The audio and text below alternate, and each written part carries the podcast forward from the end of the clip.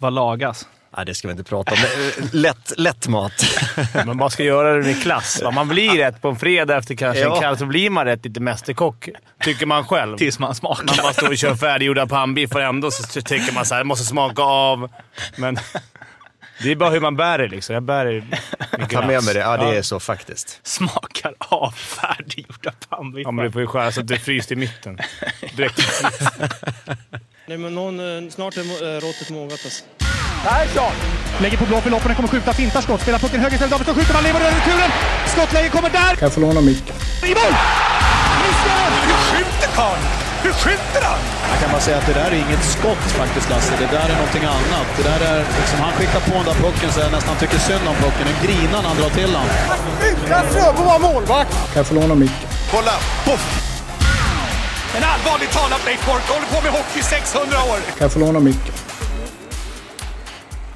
SHL-podden, Betssons podcast om den svenska hockeyligan är och här igen. Mårten Bergman heter jag och precis som eh, sist så eh, det blir, blir två matcher i rad, Fimpen, för dig.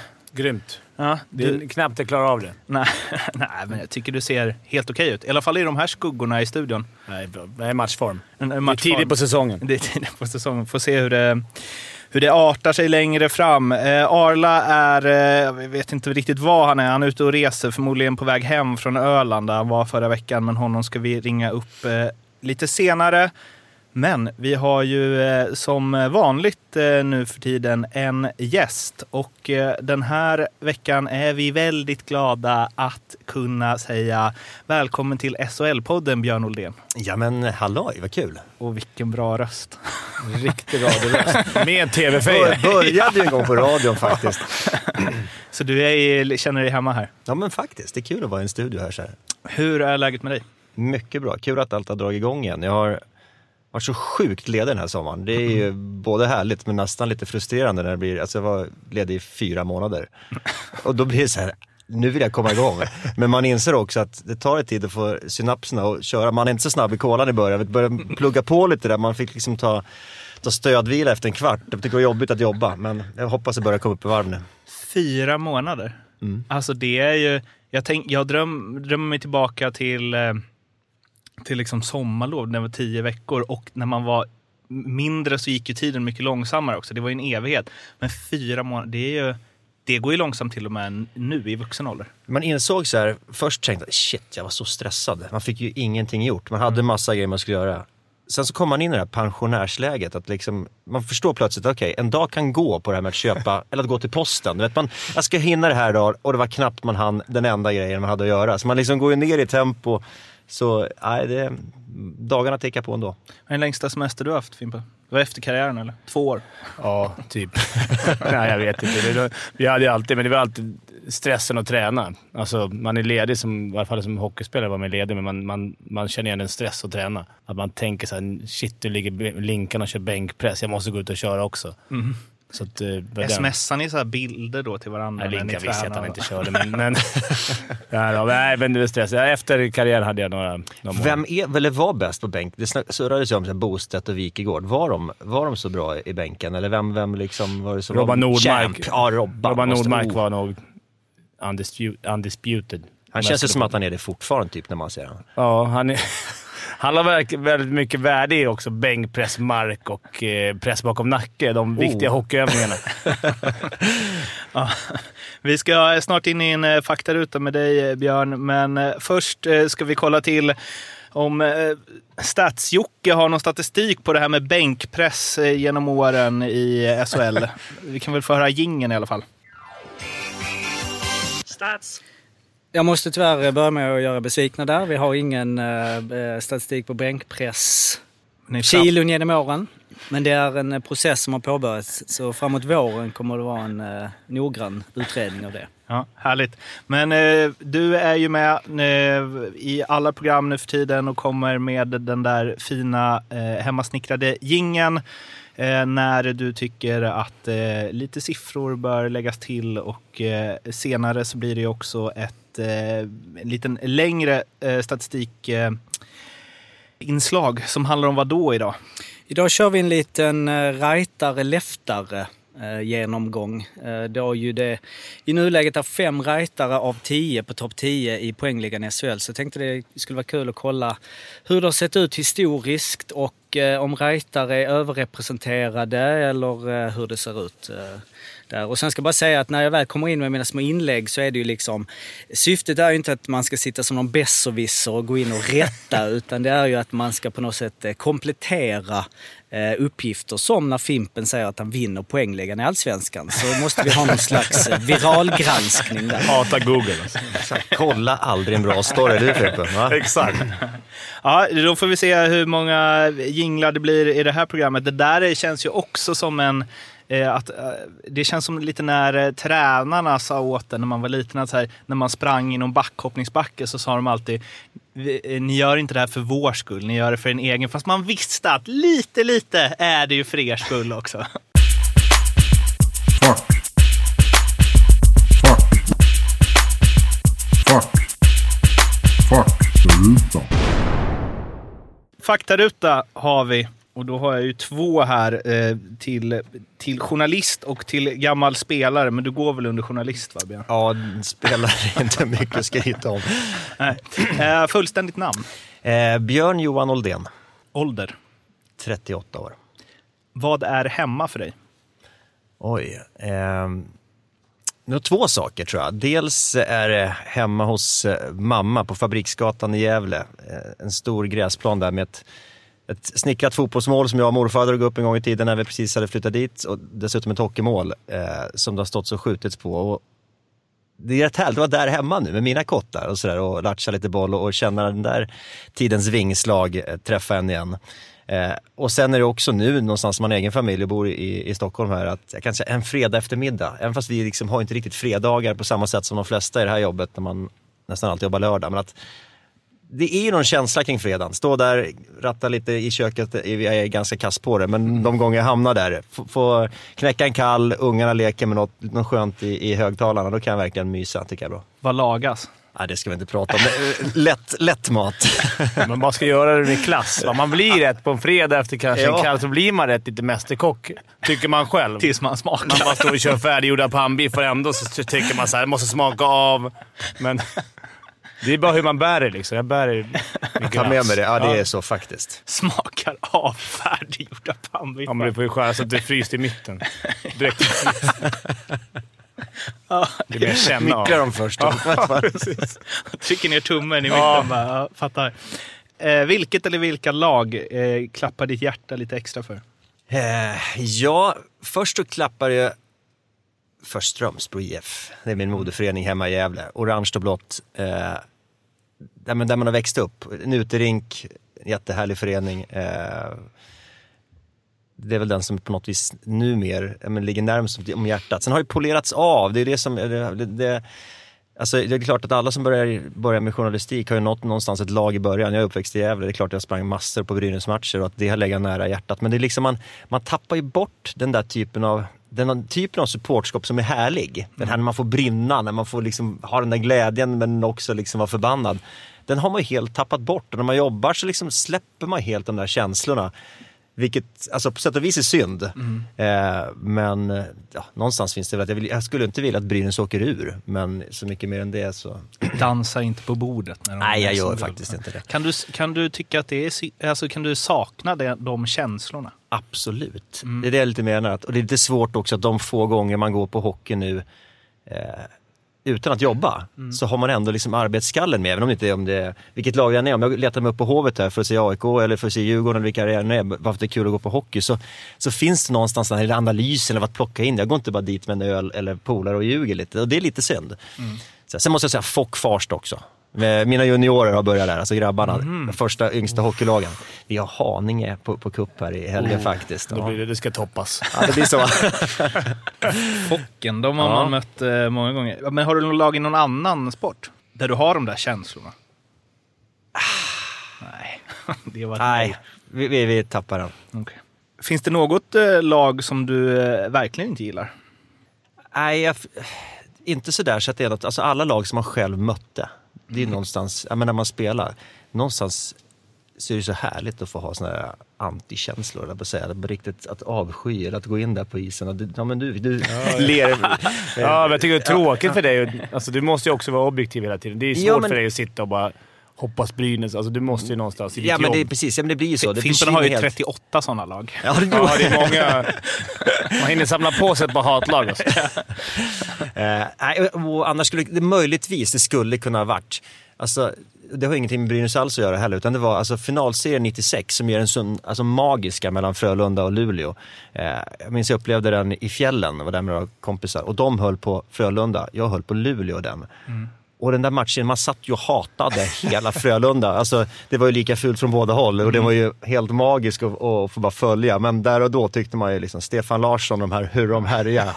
Herrejösses alltså. Alltså jag såg, jag tror det var um, Emil eh, på Aftonbladet, vad heter han? Lagnelius. Ja, som, länk, som skrev typ att nu visar Simor en eh, Eh, kan det varit den? Kan det varit Luleå-Frölunda? Eh, den avgörande finalen där. För jag, jag minns i alla fall att jag eh, gick in på det och alltså, det, det var en annan hockey kan man Ja, men det säga. är helt sjukt. Alltså, det man ser ihopklipp från det där, det är som att det liksom är slapshot. Alltså, Det är såna överfall och det är spearingar och det är hugg och det härjas. Ja, det var otroligt underhållande också. Det, alltså det, jag skulle säga att det talar emot det här att stjärnorna måste få mer utrymme. Jag bara nej, det är så här det borde se ut. När man stängt av utvisningar på NHL-spelen.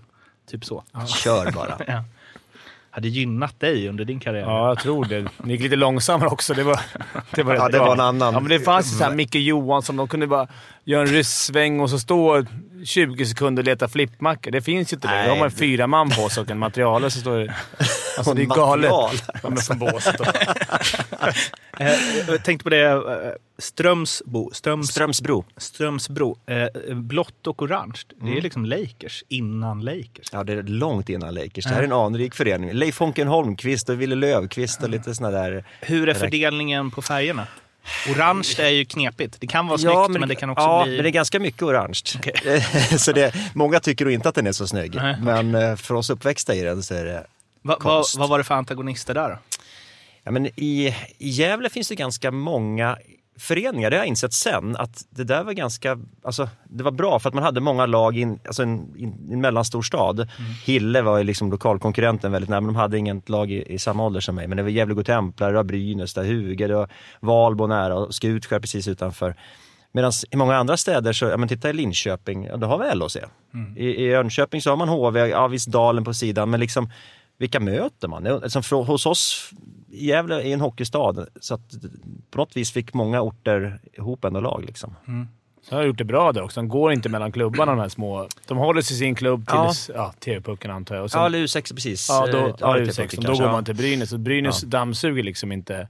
Nej, innan det så håller de kvar det. Ja, Precis. då, Ja. Då, då lever ju hockeyn för alla. Det tror jag. Alltså, eh, Juha Rijärvi sa någon gång, tycker jag, i en intervju jag läste, det ska, liksom, ska man tagit fasta på, eller många att göra, att se till att spela i lag där du får spela mycket.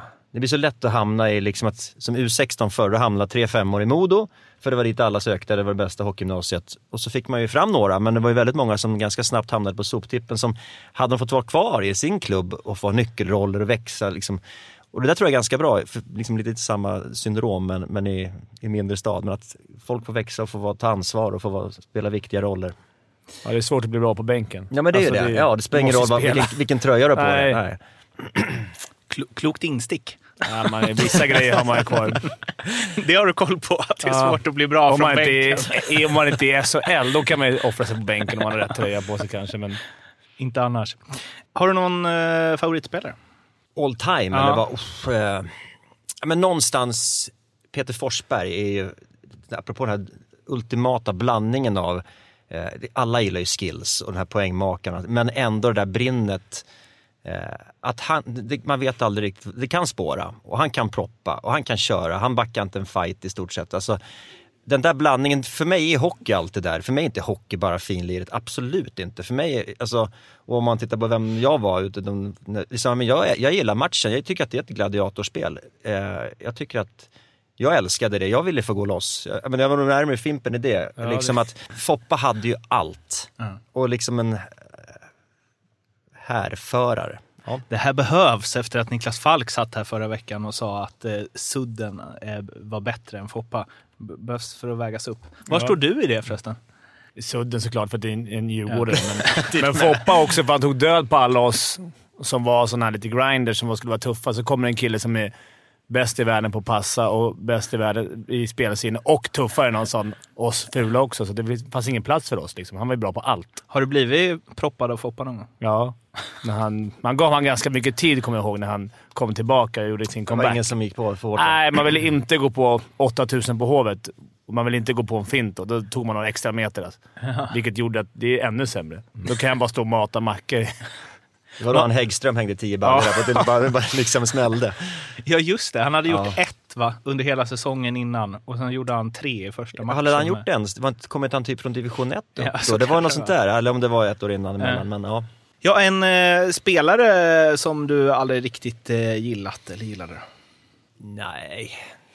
Men där har jag nog ingen sådär som liksom i stunden garanterat liksom. Eh, som eh, Stefan Larsson där, 96. Eh, men ingen, nej, ingen sådär som har följt med som jag liksom haft, eh, haft svårt för i stort. Det här har jag faktiskt inte.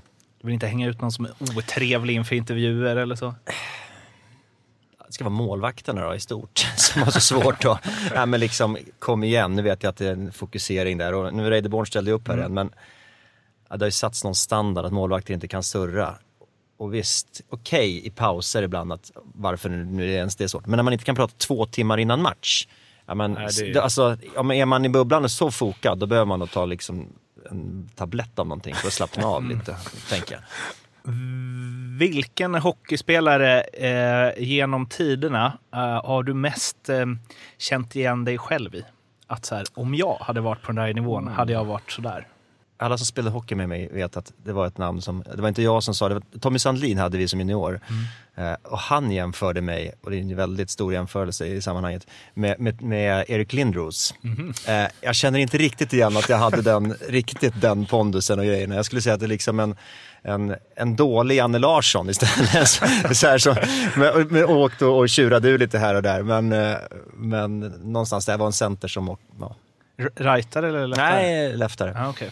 Men, eh, jaha, så lite den här... Ja, men jag hade väl, det är klart att jag åkte, alltså jag kunde väl göra en del poäng. Eh, men jag var ju inte nära Lindros styrka och den typen av, av forcering liksom. Men, men när jag åkte, jag gillade ju att smälla som sagt. Jag tyckte om den där kampen där ute. Hade du också den här bli draftad etta men lever inte riktigt upp till förväntningarna? Nej, jag, jag levde inte upp till inte ens de odraftade förväntningarna. Det är mer dem jag inte levde upp till. Så att, Eh, ja, om vi går in lite på det då. Hur eh, ser din egen hockeykarriär ut? ja, men jag har gnuggat en jävla massa. Eh, och, och det är någonstans komma tillbaks till de här, alltså det kan du säkert skriva under också Christian, på, men de här, alltså komma tillbaks till dagar på en uterink, vi hade i alla fall, även om ni hade det. Soligt, matchdag klockan 10, liksom en krispig Eh, decembermorgon. Det, alltså det är ju magi, åka ta en Trocadero efteråt eller så här. Så att, det är klart man gnuggade och trodde man skulle bli bäst i världen och det var ju bara liksom på väg framåt allt det där. Eh, och det gick väl, rullade väl på där, liksom inom Gästriklands små gränser. Så, så, så gnuggade jag på och var uppe i, i Brynäs juniorlaget där och så. Eh, ja men hyfsat tidigt i, i 20 där som 16-åring och så. Men sen så, ja, tacklade av lite. Eh, var upp och tränade en del med A-laget, men eh, det är guldåret 99. Eh, men sen så drog jag iväg då som sista års junior till Norge, lirade norska ligan och så lirade jag ett år i, i Hockeyallsvenskan. Eh, och gjorde det inte speciellt bra. Och då kände jag någonstans där att, äh, att någonstans så vill jag inte vakna upp där jag är idag och har jobbat halvtid på en liksom idrottsaffär och jag kände att ah, okay, jag, jag kommer nu kanske inte komma så mycket längre och då tycker jag det är bättre att göra något annat. Så då började jag plugga liksom och sätta det i första spåret. Men, men hade det kunnat ta ännu högre höjder om du hade satsat och lite Alltså, flax? bara om. Nej, jag tror inte det. Om. Jag, jag tror inte det. Va? Eh, jag slutade ganska tidigt kan man ibland efterhand känna sig, fan jag var 20 bast när jag liksom Det är lite tidigt. Ja men alltså jag spelade vidare och liksom med, med kompisar på sån nivå, men jag slutade satsa. Eh, och det kan man känna att fan, det var ju lite tidigt kanske. Men jag tror att jag, jag var för långsam, jag var för svag och för dålig teknik. Så någonstans liksom, det fanns väl en anledning till att jag Alltså nålsögat det är ju så sjukt litet också. Det finns ju så många som är så enormt duktiga som var mycket bättre än mig som liksom inte heller kommer någon vart. Om man nu ska se det. Alltså. Sen har ju hockeyn gett mig så otroligt mycket som man ser på jag menar, man sätter sina egna ungar i, jag menar, du är en duktig son här och så, men att det bästa man kan få ut av det, jag sätter mina grabbar nu och hoppas, eller de tycker det är kul med hockey, det är att, menar, finna gemenskap, riktlinjer, ha en glädje, att hoppas att de kan, kan som nu spelar vi lite latcha lite på kvällarna ibland, på tisdag liksom kvällar matcher, att man har någonting som, som man tycker om. Sen om någon råkar gå och bli jätteduktig, ja men fine, det är ju det kan man, ju- det är som att vinna på Lotto liksom. Men, Kan man hålla dem från, jag tycker, kan man hålla dem från också liksom slå sönder busskurar och det som man gjorde när 16-åringar gjorde kanske. Kan man hålla dem igång till 20 år så har man ju tagit dem över de drastiska åren i fall. visst. Och så här, identitet tänker jag, skolan är allt. Man, liksom, man behöver inte söka allt det där utan det, det finns så mycket bra om man, om man liksom, och vilken idrott det än vara. Då Ja, får fastna för vad den är. Men, Det är bra att ha något att göra också. ja, verkligen. Inte bara spela Fortnite. Så det... eh, som vi pr- pratade om innan. Jag kommer in här med ett litet gästspel. Jag går i, håller ju såklart koll på Björns eh, karriär nu live. Oh, aj då. Eh, Ja, men du, det var, jag tänkte på det, att du drog, eftersom du visste om det här så drog du inget så här, vann ju poängligan i... Samma år som jag vann. jag, undrar, jag undrar om de här statsen däremot, jag känner inte att de stämmer. Nej, det är väl en eh, notering. Strö, Strömsbrosäsongerna där med fyra matcher, sex matcher bara, eh, kanske inte stämmer. Men eh, en liten spaning som jag är nyfiken på att bara höra om är ju då eh, Björns säsong i Tierp i Hockeyallsvenskan. Då han gör 1 plus 5 på eh, 36 matcher, habilt där, 11 i den interna poängligan. Vinner poängligan den säsongen gör Conny Strömberg. Vad du spelar med honom och eh, ja, är jag lite nyfiken på. Ja men det var ju spännande kan man ju säga. Han, han kom till oss utlånad från Modo då, eh, där han inte riktigt fick till det. Ja men vilken artist. Han åkte omkring, då hade, kom ju lite överviktig som han själv tyckte, åkte omkring på träningar med blyväst och grejer och körde. Och det fanns ju diverse historier runt om. En del har ju kommit fram i hans memoarer. Eh, och det var kanske mer det som var utanför isen. Jag menar, på isen så är alltså så sjukt vilken talang. Vad mycket hockey han har i blick och egentligen i allt han håller på med. Om man hade liksom drivit på där ännu hårdare tidigare och kunnat hållit sig så hade han ju, hade varit ännu längre. Men vi hade ju något tågrån hemifrån Kiruna. Vi satt fast, hela tåget fick stanna. Det var polisförhör under natten med... Ja, det var stökigt några gånger. Va? Ja. Ett tågrån? Alltså det var, vi, åk, vi hade Kiruna borta en söndag tror jag. Ja. Det är väl preskriberat nu. Det var, det var, det var, vi lyckades hålla här inne, det kom aldrig ut då. Eh, Men, Men nu, ja, men han har tror jag tagit det i boken faktiskt. Okej. Men, eh, och jag tror det var många av oss som hade kanske lite gott att dricka, men de flesta gick och la sig i tid där. Sen så mitt i natten en gång så var det en, en eh, hyttgranne till mig som vart uppryckt av, av tränarna som kom och knackade på där. Och, och några till som fick samlas och då undrade vad är det som har hänt liksom. Då hade de hade slitit upp restaurangvagnen och, och rensat den på alla de här små spritflaskorna liksom. Var vi hittade också några rullandes i, i vår vagn där. Men då stod vi still och, och då hade de, tror jag polisen eller så på, på luren. Så att innan, alltså vi, det var tvungen att någon där borta att erkänna eller kliva fram eh, innan tåget rullade. Så vi stod still där ett tag. Sen så var det ändå några som kröp till korset och det var någon sönderslagen kupé och det var lite... För tågrån, det jag ser... Ja, jag vet. Ja, jag tror, det var okej då. Jag tänkte att Jag du Strömberg stod med sån här, sån här näsduk över Det kommer munnen. ett gäng cowboys och rider upp på Lucky Luke, spåret. bröderna Dalton kom. Vi, igen, kolla aldrig en bra story. Nej, Varför det ska jag liksom in på det här för? Men har ni... Eh, har ni mötts någon gång? Nej, det tror jag inte. Ja, Det beror på vilket år du var i Allsvenskan.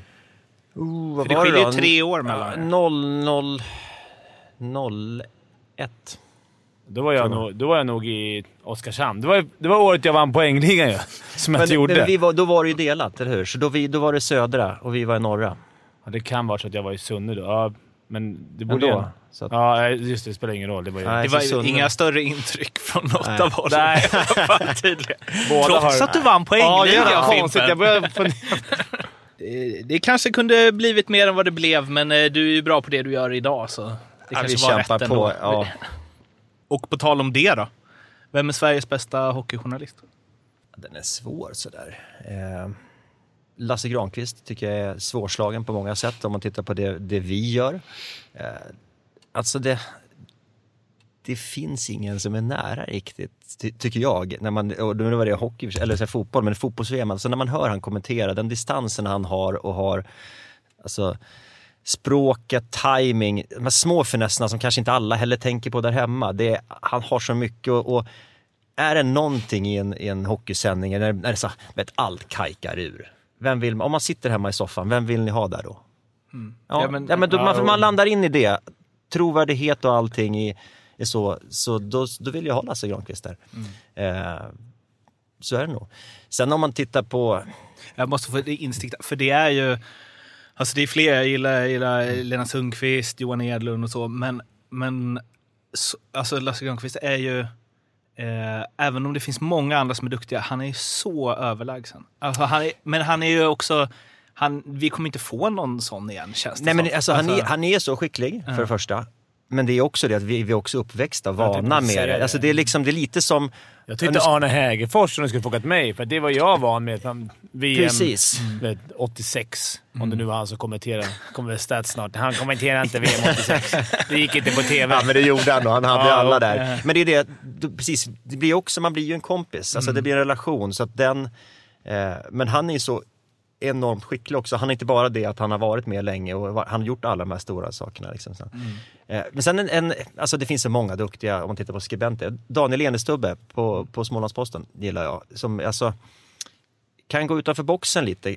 Kan eh, inte bara de här vanliga matchgrejerna, referaten, utan kan ge lite en annan inblick. Eller Robert Pettersson, enkel-P på Hockeysverige, som, som, jag menar, som säkert delar läger. Men kunde, det är det som berikar tycker jag, att vi får, ja ah, just, alltså där kan man se på det ja. Ja det där är rätt rimligt. När man får sådana istället för någon som bara bekräftar ens egen syn på det hela, det, tycker jag gillar. SHLs bästa spelare. Eh, ja, det är ju det är Jocke Lindström. Eh, alla dagar i veckan om man tittar över de senaste åren. Att någon, men det, det, det har vi sagt och han är det. Och han, alltså, därför blir det nästan tråkigt för att han är så bra varje år. Han, han styr så mycket där ute. Därför nästan så att, så här, igen tillbaks till killar jag gillar som sätter för Daniel Brodin, Niklas Hart. De som har det där, alltså sätter de de här tacklingarna, första bytena på matchen, de sätter an tonen på den.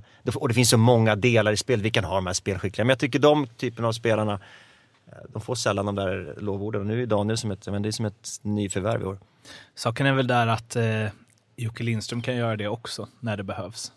Det där- fast inte på samma sätt, Nej, men- inte på samma sätt. Men att han har den grejen också i sin... Jag tror han kan få utmanare an- av Jakob i år. Tror inte det? Josefsson? Absolut, oh, absolut. För han är Ja. ganska tuff också. Man behöver det. Det här visste verkligen. nästan. Man visste, han, så här bra var ju han när han drog.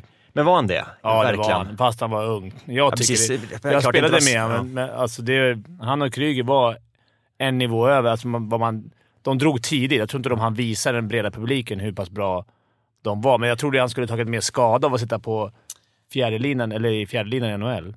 Precis, jag, jag trodde aldrig att han skulle ha, alltså sen får vi se om det håller. Ah, men om man, alltså att ens, att, att ha den, den poängmässiga utvecklingen som man har. Alltså det, är- jag har ju sett så många exempel på de här som, som du säger fastnat med Pebben och alla de här som kommer tillbaka och har inte alls den här poängstyrkan längre. Men, nej. Doggy Murray var väl öste väl in pinnen när han kom. Ja, som tusan. Det Och det förväntar man sig också. exakt. Vi hade ju eh, ett eh, över och underspel eh, på huruvida Jakob Josefsson skulle göra eh, fler eller färre poäng än förra gången när han, eh, hans senaste SHL-säsong. Då gjorde han ju 20, 8 plus 12. Körde Betsson inför säsongen. Eh, Den skulle man ju spelat på med tanke på att han har gjort 10 på fem matcher. Vad var oddsen där då? Ja, men det var, alltså det var väl det. De var inte höga, men de var ändå, de var ändå helt okej. Okej. Alltså, eller så här, man borde lassat in med, sen så visst, med facit i hand. Men det var inte jättesvårt egentligen att se honom göra det. Fast det Han har här gjort- såg inte jag. Inte? Nej, men han, kom, han gjorde en poäng var tionde match i fjol. Mm. Han gjorde nio på fyra, eller vad är det Men, Alltså, men, Ja, men han sätts ju i, i han andra fick inte lägen spela eller Nej, såklart. Men Men, ändå, ändå. man är Alltså att- osäker på att, hur han är, Ja, liksom. alltså, det är klart, så få trodde jag inte han skulle göra. Men att han skulle leda poängligan, det trodde jag inte. Världens bästa hockeyspelare. Den är ju... Ah, Ovechkin, jag gillar ju Ovechkin. Ja, och igen tillbaks till, där har vi, han har liksom... Han har ju allt det där. Han har målskyttet och farten och attityden och dårskapen och En Daniel Brodin och 5.0. pucken i ansiktet och står där och... Ja men precis, det är Och så det. här, blir så här glad när han gör mål. Det är det Ja. som är så här irriterande om man inte liksom gillar Washington. Om man inte skulle göra det så är det rätt irriterande att möta en som blir sådär glad. Det spelar ingen roll om det blir 7-1. De bara skriker och hoppar. Han älskar att göra mål alltså. Det är så kul. inte. Nej, vilken stjärna. Det var faktiskt, när vi hade NHL för må- många herrans år sedan så skulle vi intervjua Niklas Bäckström. Och hade träffats först i The Mall, i liksom, den stora, stora parken där i Washington. Vad är The Mall? Eh, Niklas, det, det, all, allt det här, ja, där. Ja, nej, men så kom dagen efter i alla fall, där så kommer han och så ser han på avstånd, kommer med någon luffare, riktig luffare, kommer trasiga jeans. Vad fan har han nu? Har han- en polare med sig som är här från Gävle eller? Nej, Då är det Ovechkin. Nej, jag somnade på Ovechkins soffa igår. Så, typ, så, så, så, så, så Ovechkin satt med så satt han på en parkbänk där medan vi gjorde intervjun. Och, ja. och, och det var man lite sugen. Eh, Alex, kan vi intervjua imorgon efter, efter träningen där eller? Ja, ja, det löser vi. Ja, så dagen efter där så vart det intervju och sen så äh, presskillen, ah, ja, Alex åkte, han råkade åka. Ja. Tjena. Det var ju så han bara, Orkar inte. nej, inte. Ja, det var faktarutan eh, det. Eh, Vi ska förstås snacka om lite vad som har hänt i SHL senaste veckan. Men först så ska vi testa att ringa upp Per Ahlbrandt och hoppas att han inte sitter på ett flyg eller vad det nu kan vara. Ja, Per. Hej Per! Tjena, det är tjena, Mårten tjena. och Fimpen och Björn Oldén. Det. Per. Tjaba, tjaba. Var är du? På ett flyg? Ja, jag sitter på Chiphol, Jaha. Va, i- det, var, det var ju... Eh, det var Öland förra veckan, nu är det Amsterdam. Ja, nu var det Ryder Cup. Jag Ja. bockar av från bucket list. Ja, du gick caddy eller? Ja, det är tyvärr inte. det, det gick okej ändå. Okej. Hur var det? Ja, det var eh, fruktansvärt roligt. Alltså. Jag hade höga förhoppningar, men det blev, eh, det blev ännu bättre faktiskt. Det var en stämning jag inte trodde som, som det fanns. Alltså. Men- som, inte, som du inte trodde... Det var bä- bättre än hockeystämning alltså? Ja, det var det. Det var det faktiskt. Ja, Alltså, Slog det Ja, sjunde igår. matchen eh, 2016? 17? alltså, ja, var, nej, kanske inte. Ja, men det var, det var mäktigt. Var det. Okej. Ja, eh, hur gick det för dina spel förra veckan? Ja, Finten är inte nöjd på mig. Torsdagen gick ju bra där som jag la upp, men eh, lördagen är ju... Ja, jag, jag hittade inte riktigt rätt. Alltså. Många kryss hittade jag. Mm. Men det, är, Tyvärr. det är väl... eh, det är- Det väl liksom, eh, men det gäller att komma in i den, eh, de nya grejerna så här tidigt på säsongen och så. Det, jag tänker att, det kommer, att du kommer växa med uppgiften. Ja, eh, vi får ta det. Vi får ta Ja, men det är bra att du det. går för lite ty tyngre odds också. Det är tråkigt att spela, liksom, få tillbaka pengarna. Vill du vinna Ja, nya tror- däck eller vill du vinna en ny bil? Det är det. Go high or go Jag, home. jag älskar inställningen. Ja. Vad har du bjudit på den här veckan då? Banken blir ju... Eh, jag har ju gått emot eh, LOC länge nu, men eh, jag måste erkänna att de imponerar. Spelar ett otroligt bra försvarsspel och Jonas Gustafsson har ju varit grym. Och även Jakob Johansson har fått chansen. På torsdag tar de emot Mora hemma. Som de hade lätt för förra säsongen. Och, nej, men med det laget de har i år, som mer gnuggar ner motståndet, så tror jag ingen underskattning kommer finnas där. Så det får bli banken helt enkelt.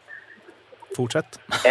Ja, bra. Det lite eh, sundare som vi kallar det nu då är ju Rögle-Malmö. Eh, alla kommer ihåg målkalasen från förra året. Eh, jag var lite inne på att det kommer nog fortsätta så, men sen tänkte jag ett varv till va? och så har jag Rögles senaste match mot Frölunda i minnet när man verkligen hade tajtat till det efter de hemska förlusterna i början och många insläppta mål. Och Malmö har också ett litet sånt typ av lag i år som mer jobbar hårt och är bra defensivt. Och inte minst målvakterna har ju, har ju varit strålande så här långt. Så det söndagsspelet får helt enkelt bli under 5,5 mål i Rögle-Malmö.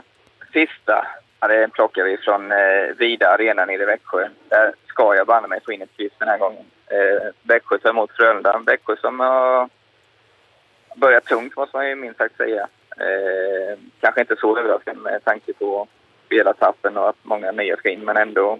Jag tror nog de skulle ha lite mer poäng i alla fall. Eh, Frölunda eh, blandat och gett lite får man säga. Eh, men de här två lagen har en tradition av och, och att det är väldigt jämnt. Så, nej, den här, den, här, den här gången sitter krysset. Så den, den tar vi som skräll. Okej. Ja, toppen. Du, eh, lycka till med att eh, flyga vart du än ska flyga. Jag Ja, hoppas att det inte är hem. Jag hoppas att det är en ny spännande destination. d- Där Nej, vi når det nästa är vecka. Ett, ett tag. Okej. Men eh, safe flight så hörs vi nästa vecka. Tack så mycket. Ha det bra grabbar. Ciao, ciao. Hej. Ciao. Hej, hej.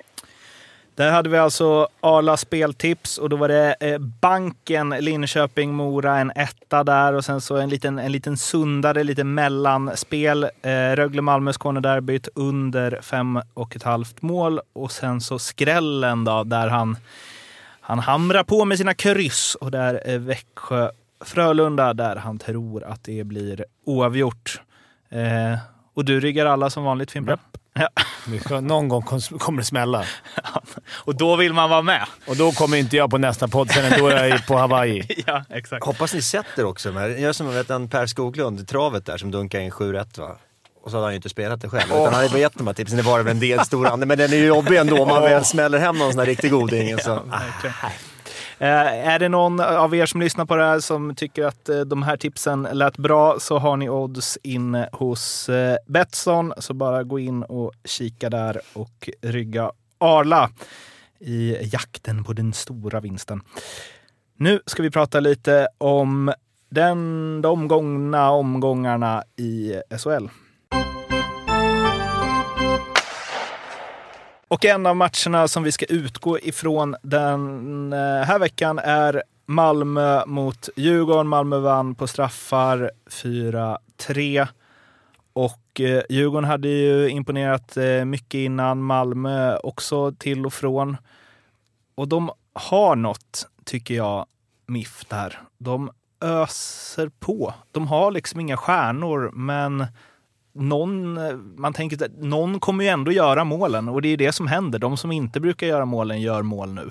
Och så släpper de inte in så många heller. Apropå, så de behöver inte göra så himla många framåt, vilket har varit eh, en stor Jag måste bara backa till, det, det är ju rätt läbbigt nästan det där med, det var ju fyra möten i fjol, alla 3-3 och den ordinarie speltid. Och så inleder man samma sak här. Eh, så, att de har ju verkligen hittat sin form de här båda lagen för att mötas. Är det Björn Nordéns speltips? Ja, Alla matcherna. Alltid från och med Häng på bara. Kör det där. Eh, nej men Malmö tycker jag är spännande. Sen tror jag inte att det kommer hålla. Alltså om man säger, det är inte ett topp 6-lag, kanske inte topp 8 heller eh, för mig. Inte över tid. Men, men eh, det är klart att det, liksom, det finns ett lag som går ihop. De har en ruggigt bra målvaktspar. Ja, kanske bästa i, i ligan, ett av dem i alla fall. Eh, så får de ihop det och kan vara så här tajta och, och svåra att manövrera ut i defensiven. Då kommer det kunna le, liksom, räcka en bit, absolut. Speciellt på sådana där lag som har inga riktiga stjärnor. Går det bra i början så det blir en snöbollseffekt åt rätt håll. Eh, det, det är som Björn säger också, till slut kommer de stöta på lite problem och få två, tre torsk. Då undrar jag hur länge de kan hålla förlustsviten liksom, borta. Det är det som är viktigt för dem. Precis, och jag kollade igenom underliggande statistiken, siffrorna. Det där är de inte så himla bra. Alltså, Nej. alltså det är inte att de skapar mer, så över tid då kan man säga så föreslår ju de siffrorna egentligen att de kommer inte att fortsätta vinna i samma takt i alla fall. Eh, sen så spöar man ju siffrorna ibland, men över tid, över en säsong, så någonstans signalerar ju det att det här är ju inte ett topplag egentligen. Det var väl 40-20 skott eller någonting. Nu, nu Ja. var det i och för sig utvisningar med matchstraff och allting, men det är svårt att vinna mycket matcher om du förlorar skotten 20-40. Och jag menar, samtidigt vet vi, alltså Malmö sist när de hade stora ekonomiska problem när de fick skeppa iväg alla stjärnor när de var i Hockeyallsvenskan, tog in juniorerna, det Babyhawks, vad kallas de då? Just och det liksom gick hur bra som helst plötsligt, från att ha riktigt varit ett sänke. Så att, jag menar, det här med sammanhållning och, och lagkänsla, det, det kan räcka, men som sagt över en säsong så tror jag inte att det är ett topplag, men då kommer de göra okej. Och det är grisiga Malmö tillbaka också. Ja. Det som man älskade att hata för, för några år sedan när det var massa finnar där och man, och man kom dit och det var riktiga grismatcher. Nu, det, var, det kändes som att de var tillbaka lite. Mycket på grund av brorsorna Sylvegård såklart, men det, det var en sån där lag som man kommer älska och yes, nu kommer Malmö. Nu hoppas det går åt helvete för dem. Ja, men identitet också, apropå Ja. att det är lite stöpt i olika former lagen, inte samma karaktär på allt. Det här är ett lägg som man, kom Ja, hit och ta oss om ni kan, lite så. Alla vill inte vara Skellefteå längre, nu, nu ska man vara... Din kollega Sanne Lindström eh, tippade dem ju 12 på upptaktsträffen. Och alltså när jag såg det, för då hade jag precis varit i Malmö och intervjuat Emil Sylvegård och Kristoffer Nilstorp. Och båda, alltså Sylvegård var ju så här, han bara, ah, alltså ingen kommer kunna komma hit under ett slutspel och eh, ta, eh, ta liksom med sig en seger. Han bara, det kommer vara ett helvete. Fall. Och man bara såg det glödde i ögonen på honom. Han vill ha slutspel imorgon. Liksom. Medan Nilstorp på sin sida var... Ja, men han sa, man säger alltid att det är bättre stämning än någonsin och det är alltid bra stämning i gruppen och så. Och det är inte sant, men i den här gruppen så ja, han sa att det var den härligaste grupp han någonsin varit i liksom, genom karriären. Och han sa att alla kommer verkligen offra sig järnet för varann. Och det är väl det man kan se för Malmö. Liksom, nu går vi långt fram här, men de har ju höjt sig i slutspelen de här senaste åren också. De har ju egentligen inte Ja, men de har väl överpresterat eller vad man ska säga i slutspel. Och man kan ju se att det här laget, alltså det är många slutspelspelare. Eh, och jag tänker med två bra målvakter och alltså det kanske är lugnt att komma åtta och växla upp sen. Absolut, men eh, visst, sen kommer det vara andra bra lag i slutspel också. Men jag tror just det att man, man kan inte titta mot någon stjärna. Det finns ingen Linkan att mm. tänka sig på. Utan alla vet i det här laget, okej, okay, jag är en del av det här pusslet och ganska lika mycket värda. Vill göra det här ihop. Det tror jag det är nog rätt häftigt i ett lag när man väl når det. Mm. Ja, det är grymt att få alla delaktiga. Ja. Alltså, ha en kille i fjärde femman som känner att han är lika, han går in och täcker skott och det är lika mycket värt som att någon stöter in en puck. Får du igång det i ett lag, då är de... För så mycket skiljer det faktiskt inte på spelarna skillsmässigt tycker jag. Alltså, ja, Jocke Lindström och några till. Men i övrigt, jag menar, så mycket stor skillnad som i NHL är det inte i SHL. Så Nej, verkligen inte. Så laganda kan gå rätt långt Och lika här. där också, men det är nästan så, ja, men, du kan ju singla slant och vilken du vill ha som topplina och fjärde. Ja. Det är inte sådär så att Nej, wow, exakt. de här måste bära, utan du, det, har du dagens då? Man kan, de kommer väl också lyfta upp en och annan från panten, är det inte så? Det, jag det vet inte hur det blir i år, om det ja, ser likadant med allt. Får de ta, vad är det, får de ta två stycken? Jag vet inte, i fjol hade de ju det där kontraktet, alltså spelarna också. Hur det var. Malmö fick plocka gratis va? Mm, Men så 150 000 tror jag för de andra klubbarna, så de, liksom, det hade de ju inskrivet. Men jag vet inte om det är likadant i år. Eh, men det har ju blivit en så tradition att de bara tar en spelare från panten som har varit bra där och så blir den ännu bättre i Malmö direkt. Ja. Uh, men um, målvaktsparet också där, Oskar Alsenfelt, Kristoffer Nilstorp. Det var ju lite uppseendeväckande när den duon bildades i Malmö och Nilstorp uh, han bröt väl kontraktet med Frölunda eh, mm. för att eh, flytta hem till Malmö utan att spela en match där. Eh, och då tänkte man, kan de ha två målvakter av den kvaliteten? Nilstorp hade det lite kämpigt, han blev skadad, var borta nästan hela förra säsongen. Eh, men nu, nu har det ju blivit, nu är ju båda topp, topp, topp målvakter i SHL. Jag funderar på om man har sett det. Alltså om man kan börja prata om så det bästa målvaktsparet eh, sett till så högsta nivå som har... Oj. För att det är ändå, båda de kan, kan ju lätt vara landslagsklass. Ja, det är tidigt än så länge. Jo, jag vet, jo men, men menar, det brukar ofta finnas, när man ja. tittar på målvaktesparen brukar man ju alltid kunna så här, pointa ut vem som är bäst. Men undrar vilken som är bäst då? Är det tryggare att ha en målis som vet att han är första slips mm. och är trygg i det, eller är det bättre att ha två som konkurrerar? Det är lite på hur spelarna är. Jag tänker att Djurgården, om vi nu tar det som jag vet, mm. som jag har lirat där, där var det ju alltid liksom, oftast tydligt att den som var in som andra målvakt var liksom uppbackare. Men så var det väl mer för generellt? Ja. Alltså, så var det för alla liksom, lag. Man, de hade en första keeper som stod, så kastade man in andra om det behövdes. Men annars, men nu är det alltså med matchtempo och allting så jag vet inte. Petter Rönnqvist, han är ju också, ja. propagerar mer åt det att man vill ha en tydlig etta som vet att man har förtroende och man får komma igen. Och andra lag, menar, det har ju visat sig att båda sakerna kan funka. Ja. Så att jag vet inte. Så känns det som att både Alsenfelt och Torpet är på en eh, plats i sina karriärer och med ett sånt psyke så att jag, jag tror inte någon av dem måste vara utpekad första målvakt för att prestera. Nej. Det känns inte så i alla fall när man Nej. pratar med dem. Eh, en eh, ganska uppmärksammad händelse från den här matchen då. Eh, Marcus Sylvegård fick matchstraff och sedermera också två matchers avstängning.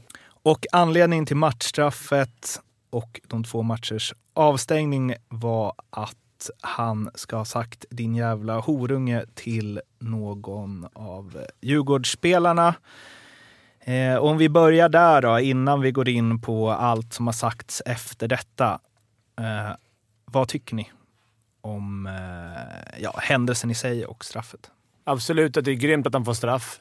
För någonstans måste vi börja få bort de här, det är onödiga ord.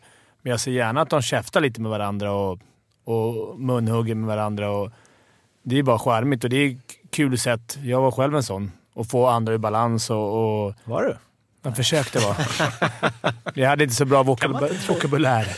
Nej, men eh, jag, tycker det är, jag tycker det är härligt när det är så. Det är lite hets, men det, det får inte gå över till... Det är så onödigt. Det går att göra så mycket bättre. Ja men precis, jag med. Alltså, det är ju en del av spelet där ute i kampen. Att surra, att försöka komma under skinnet och att liksom försöka vara Men att behöva använda sexistiska eller homofoba eller rasistiska ord. Varför de måste komma, det är det jag inte kan förstå. Och alltså att, jag, men, jag ska inte kasta den första stenen som yngre. Jag har sagt dumma saker och det har säkert du gjort där ute också. Men vi, vi har ju lärt oss mer. Vi använder, alltså rasistiska tillmälen har försvunnit mycket från läktare och det här. Det kan de här sakerna också göra. Och, och jag tror ju så här att det de ropade till varandra, det ska inte bara, tycker jag, riktas mot Sylvegård utan det i alla fall sades ju att, att Djurgårdsspelare också hade sagt saker. Det är inte att pinpointa någon utan att det handlar om klimatet liksom runt omkring oss. Att om du säger de där orden till mig, jag tar inte vid mig för fem öre. Du skulle aldrig få mig ur balans genom att säga det där. Det, det har ju noll korkat, effekt. Ja, men det blir liksom, det är inte tufft, det är, inte, det är ingen... Men att alla runt omkring oss, om det är dels att, alltså om det är någon annan då som, som, om säger som är homosexuell eller någonting.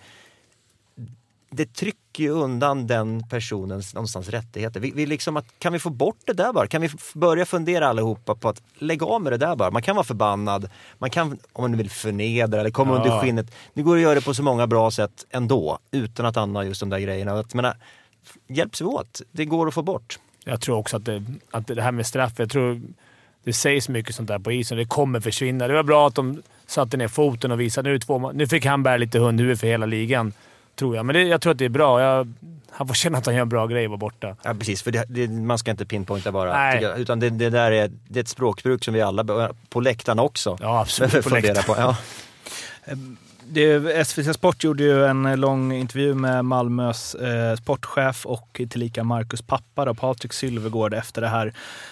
Jag ska läsa upp lite grejer som han sa från den som vi kanske stannar, stannar upp eh, och diskuterar eh, efter eh, några av de citaten. Ehm, det är oacceptabelt, samtidigt sägs mycket värre saker på isen. Om jag säger bögjävel till dig på isen, då skrattar man ju bort det.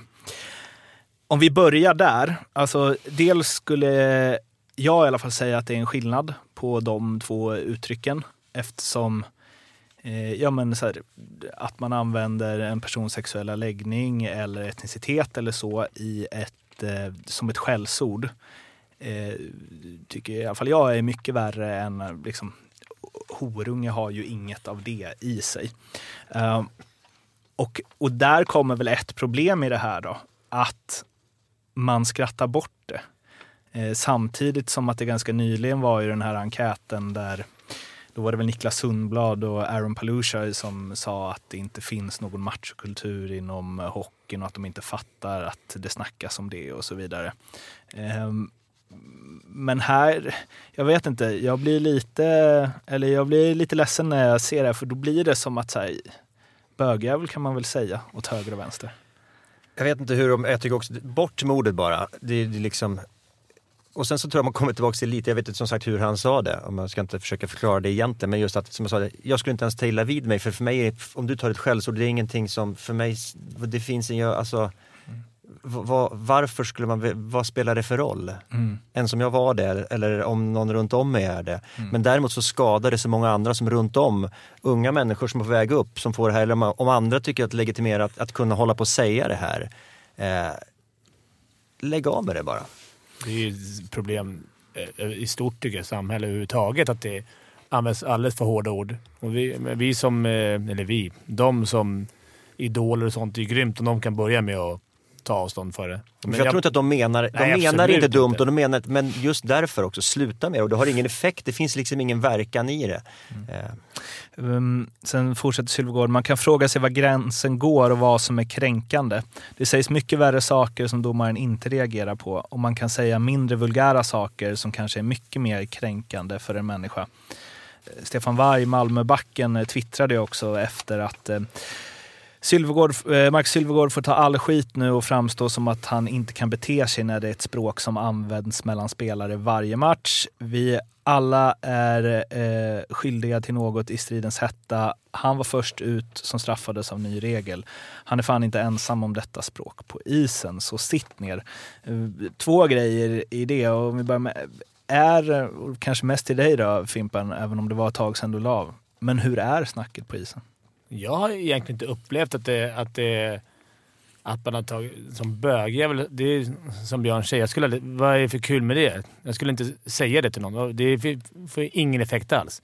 Det var mer på du vet, hemska grejer som var ful du eller de sa att jag var flintskallig. Eller, det är lite kul. Alltså, det, det kunde jag bli irriterad på. Eller liksom gula tänder du har. Eller, alltså man jävlades mot varandra på något sätt som inte heller är schysst, men att man skulle börja ta till Men, försigkom, eh, eller liksom, för på både Stefan Varg och även på Patrik Sylvegård så låter det som att det är försigkommer. Jag vet inte hur mycket man hör när man jobbar nere vid båsen. Liksom. Jag tror inte jag hört, alltså man hör ju en hel del, men jag tror inte jag hört just de orden. Alltså sådana där, det har jag faktiskt inte vad jag vet. Men också att Joel Lundqvist vart ju faktiskt avstängd för några år sedan Exakt. för ett, eh, just något sånt där också. Han sa... F-ord. Exakt. Eh, så det har hänt tidigare, men eh, Ja, det, kan man, det har man faktiskt hört kanske när man spelade, men annars tycker jag... att Jag säger inte att det är bra klimat, det är lite machoklimat tyvärr, men eh, det kan ju vara tufft och hårt och ret, retligt, men det behöver inte tas in de här orden. Det är, så enkelt är det ju. Det är ju bra att de stängde av. Ja, för om vi kommer till det eh, straffet då, två matchers avstängning och också kopplade lite till Joel Lundqvist som 2013, december, eh, skrek jävla till eh, linjedomaren och han fick ju en match avstängning eh, plus matchstraff. Eller matchstraff plus en match avstängning. Eh, och där tyckte ju Roger Rönnberg och även eh, ehm, ja, vem var det mer som uttalade sig om det? Eh, undrar om det inte var motståndarlagets tränare som också tyckte att det bara skulle vara 10 minuters utvisning och så vidare. Eh, jag tycker att där är det sk- skillnad för att det är till domaren. Alltså att du kan inte säga... att det var värre egentligen eller? Ja, för att det är ett klimat till eh, ja, men hur man behandlar den som dömer matchen. Och där tycker jag att, alltså för att det går ju igen i andra sporter också, att man i fotboll att man inte vill att spelarna ska rusa fram mot domaren, att den ska ha liksom lugn och ro och bestämma det. Och samma sak här, liksom att om du börjar käfta mot, vad säger man, auktoriteter, så tycker jag att det är en annan grej än om du gör det när du ligger i en hög med en annan spelare med två handskar upp i ansiktet.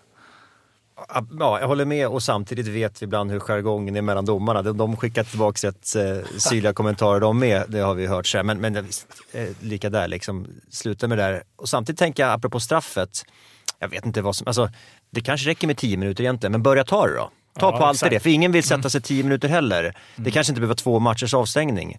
Det kanske är bra nu, nu är det uppe på bordet, förhoppningsvis vet, alla så här och nu måste man ju följa den ribban såklart nu, men på sikt kanske man ska liksom, okej, det är en tia eller vad det nu är, men då tar vi allt. Lägg med. Jag Eller kan- två plus två, att göra någonting som straffar laget. Ja, för då kommer ja. man ju liksom känna att man... En tia... Var jag borta tio minuter, då var det nästan så att grabbarna var glada. Alltså det är... Nej men du vet, man straffar ju laget mer om man tar en tvåa.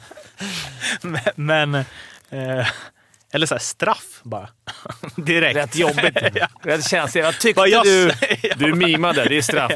Nej men eh, i det så... um, Eh, eh, ja men dels om det är så här då, så är det ju super om ingen fram till den här omgången i år har sagt något som är i paritet med det som Marcus Sylvegård har sagt. Det är ju toppen.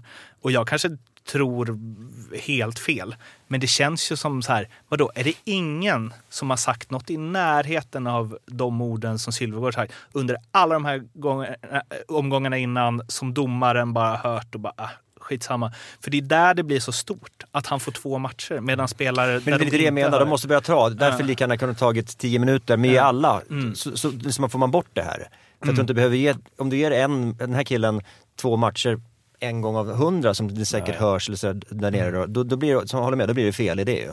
De kanske ville statuera exempel bara. att Pang. i början av serien. Nu får han bära hundhuvud. Jag tror inte han la någon vikt vid de där orden överhuvudtaget. Ja, det är no-brainer. Det är bara att sluta med det. Mm. Nu, har de visat, nu har ligan visat att det här kommer vi inte tolerera. Vad tycker ni att gränsen går för vad man får säga på isen? I stridens hetta, utan att bli utvisad. Björn gick igenom det innan. Ja men det är den rasistiska, svårt att prata här, sexistiska och homofoba. Alltså, sen är det svårt ibland liksom att exakt pinpointa vad det var. Det där som, som Sylvegård säger så sagt, ja det är väl sexistiskt liksom. Men det betyder ju olika för olika människor, det, det kan vi också konstatera, och hur man har olika nära det. Men om man bara funderar lite, tänker, skulle jag själv använda det liksom i en diskussion hemma? Skulle jag kunna göra det där med, med min partner eller så, vi, vi är oense, eller till mina barn, vad tycker jag runt om dem? Om jag har ett barn som, eh, som är homosexuell, skulle jag vilja höra att, att de behöver gå omkring och höra sådana där ord runt omkring sig. Nej, jag tror inte det. Och jag tror att, ja, kan, vi, kan vi göra någonting enkelt? Det är rätt enkelt ändå att liksom tänk på, backar vi 80-talet, n-ordet var från läktare, garanterat från, jag menar Putte Eriksson, han kallades det.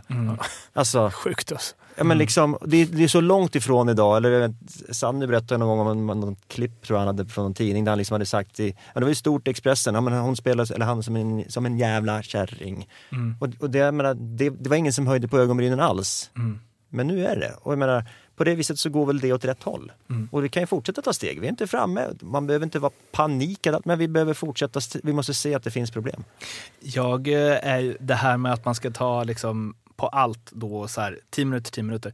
Det fin- jag vill ju verkligen att man ska göra så. Jag vill att man ska göra det i fotboll också. För att övergångsperioden kommer ju vara något festligt. alltså, det kommer vara helt, fatta ett så här El Clasico i fotboll där vi så här, nu är det gult om du gör något annat än går fram till domaren lugnt. Alltså det hade varit tio gula i varje situation. Eh, vilket ju förr eller senare hade ju satt sig att sen, nej. Ja, det skulle ju gå jättefort. Ja, Kolla när de införde haknings, nya hakningsreglerna. Ja. Det, var ju, man kunde ju inte gå på matcherna, det var ju tre mot tre hela Ja. tiden. Innan vi spelare förstod att man ska inte hakas. Men den var ju ändå svårare i stridens hetta. Ja. Där så liksom åker ju klubban upp. Det här, Ja. vad du säger eller vad du... Det går ju ändå på någonstans. Så, ah, ja.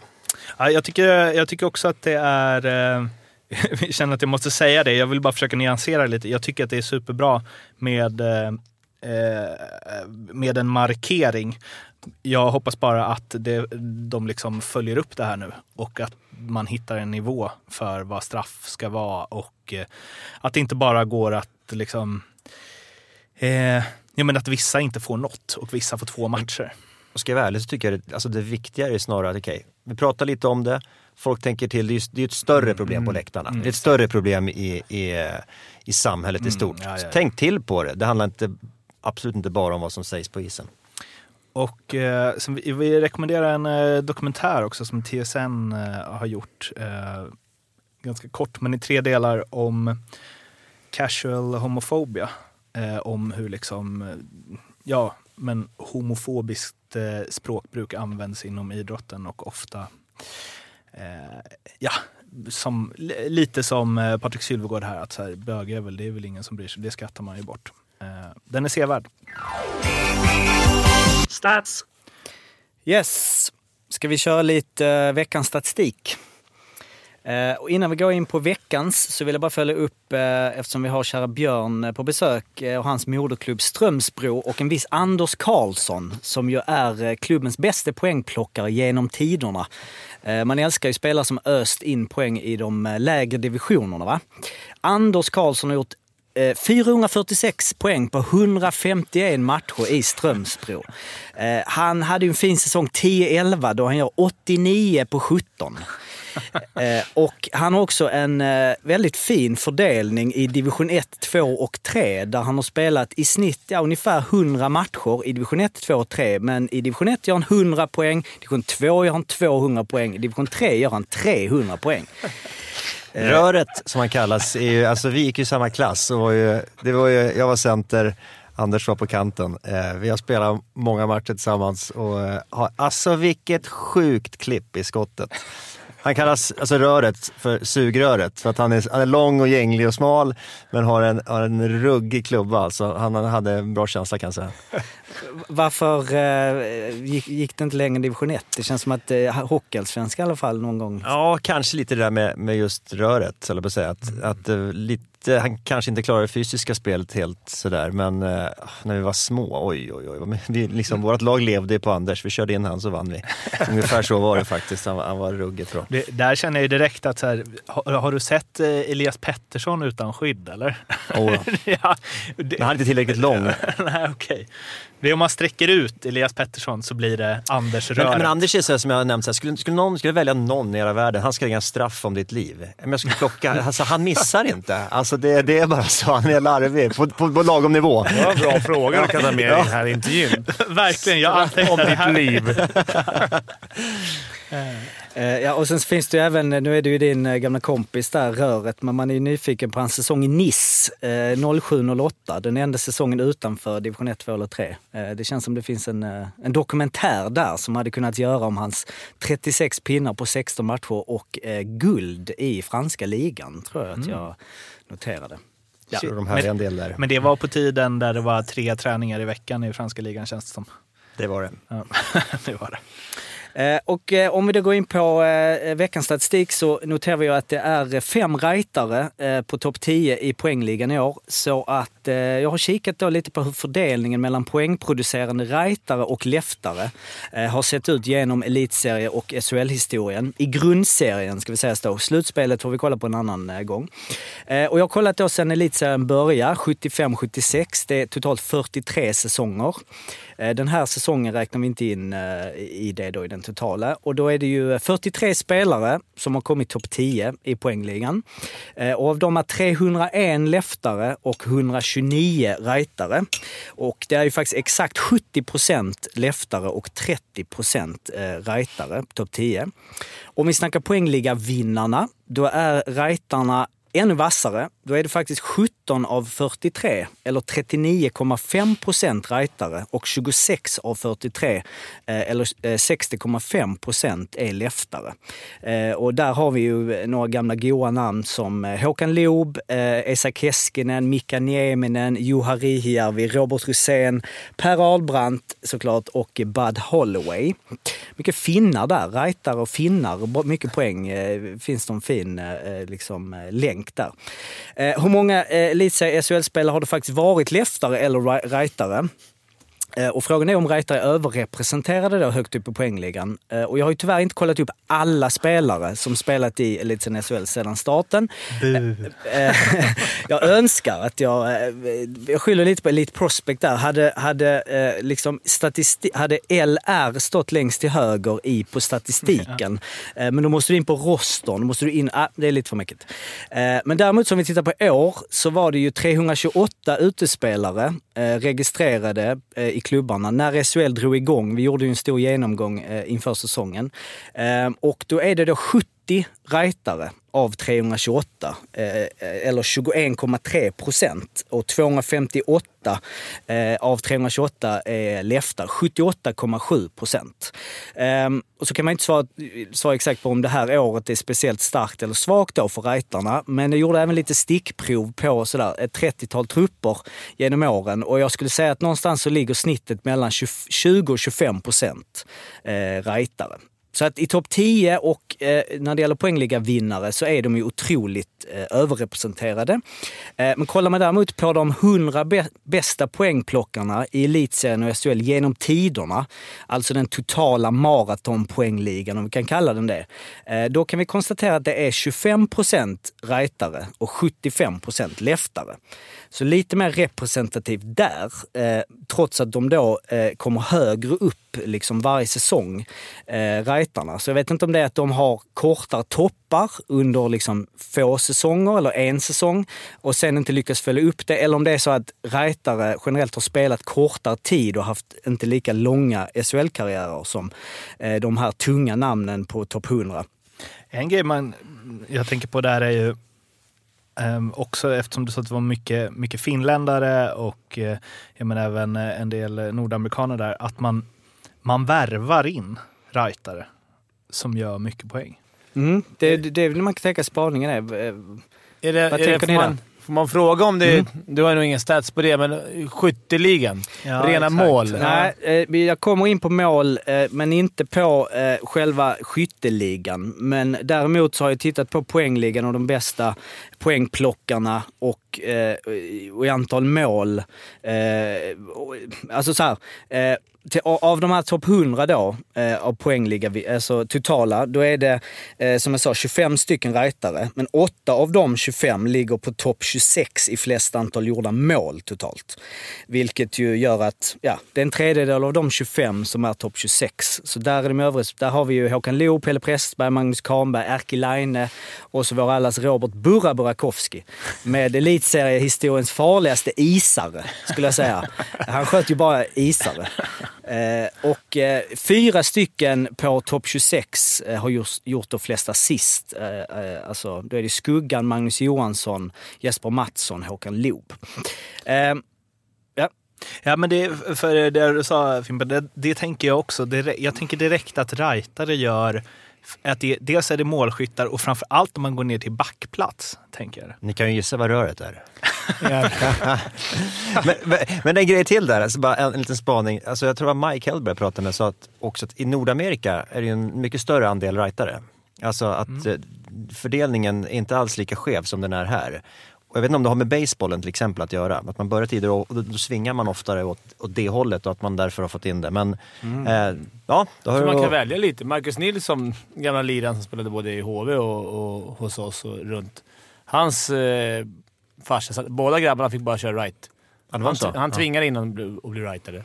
Både han och Patrik. Mm. Så det går ju att tvinga in dem. Så jag kanske är righter egentligen. Tänk om- fel. Vi- Jag vet inte hur bra man skulle varit då. Nej, men jag, tänker, det, jag tror att det är en ganska enkel förklaring. Att mot, för målvakter och backar möta en right, det gör de så få gånger på en träning på, på match, så att de är aviga. Om du är en leftback och möter en right forward så blir det helt fel. Men också undrar jag om det här med, med styrkan i skottet. Att man är ofta starkare väl kanske i högerhanden. Ja. Att du har den som alltså, tryck, om du har någonting med det att göra. Om jag du är högerhänt ja, men du kan ju vara Ja, vänsterhänt. ja, är precis. det- Ja, men precis. Men att, i, i, De skjuter ofta hårdare. Det tror jag är Ja. de här högerhänta som Ja. har styrkan där nere.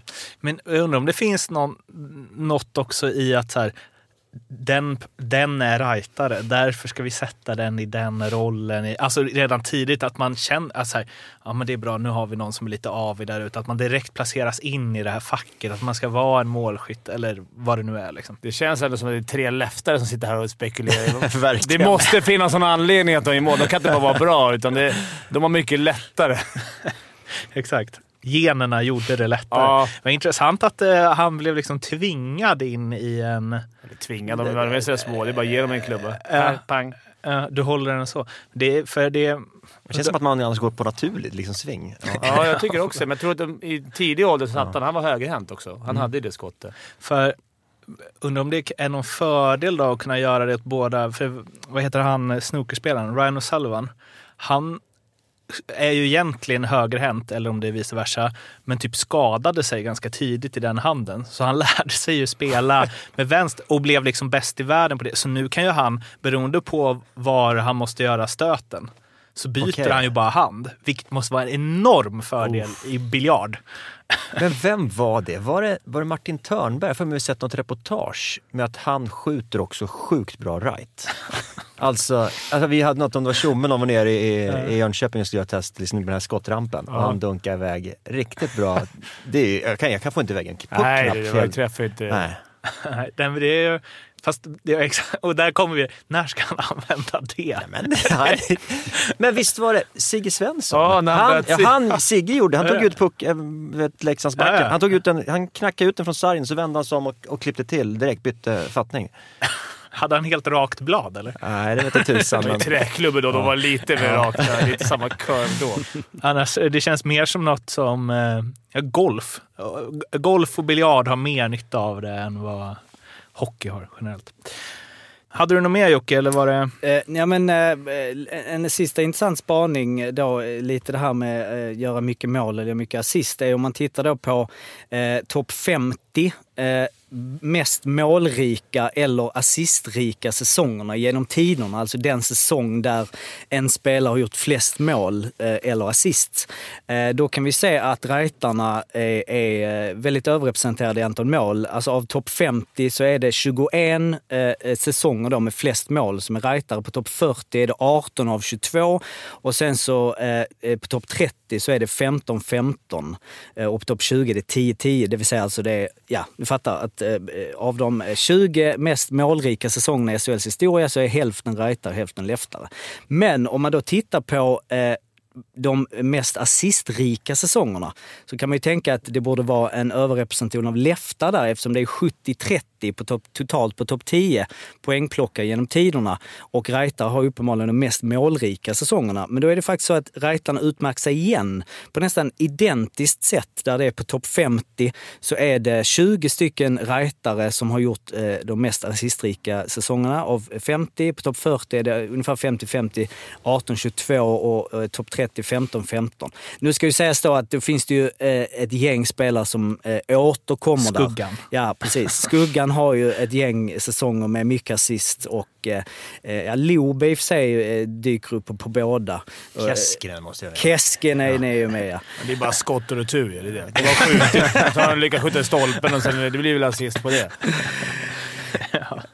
ja. Det där är ju... De är bättre på att vinna poäng... Eller liksom... Ja, man kan säga att de är mer specificerade mm. oavsett. Alltså antingen är man eh, mer eh, en, en framspelare och en utpräglad sådan, eller så är man en utpräglad målskytt. Medan många fler leftare kanske ligger på ja, men mer ett, ett normalt snitt på 40-60 i eh, mållast 30-70. En intressant grej där också, nästan alla powerplay byggs ju på höger sida alltså, och då oftast med en leftskytt. Och då, då sätter man ju oftast upp en, alltså, då vill du ha en högerskytt som kan skjuta direkt på det. Mm. Där ganska många mål görs. Sen vet jag inte varför det är så. Det finns ju, ja men Lash bygger ju lite från vänstersidan ja. sådär. Men, men annars är det ganska ovanligt. Nästan alla bygger ju högen. Mm. Det är ju eh, en vidareutveckling på det här till något annat program att eh, kolla upp eh, exakt samma statistik bara på backar. Då, då. Men det vi landat i hittills är att om ni har barn som precis ska börja spela hockey, tvinga dem att spela med right. Och även om de har börjat, slit bort klubban och sätt en right. Ända upp till J18 kan du göra. Eh, och eh, de som lyssnar får jättegärna mejla in egna tankar på statistikuppslag i alla dess former till solpodd.gmail.com. Det uppskattar vi. Gött! En av de andra matcherna, eller framförallt lagen som vi ska stöka av är ju eh, de som har samma färger som Strömsbro. Eh, Växjö Lakers som ligger nia i tabellen efter, eh, ja, de har ju förvisso bara spelat fyra matcher, några har spelat fem matcher. Men de kämpar på. De gjorde mål i en ja, hundradel för sent eh, hemma mot Örebro istället för avgörande. Där så blev det straffar där Aaron Palushai eh, lobbade in en straff i krysset på ett eh, oerhört elegant sätt. Var det som eh, röret eller?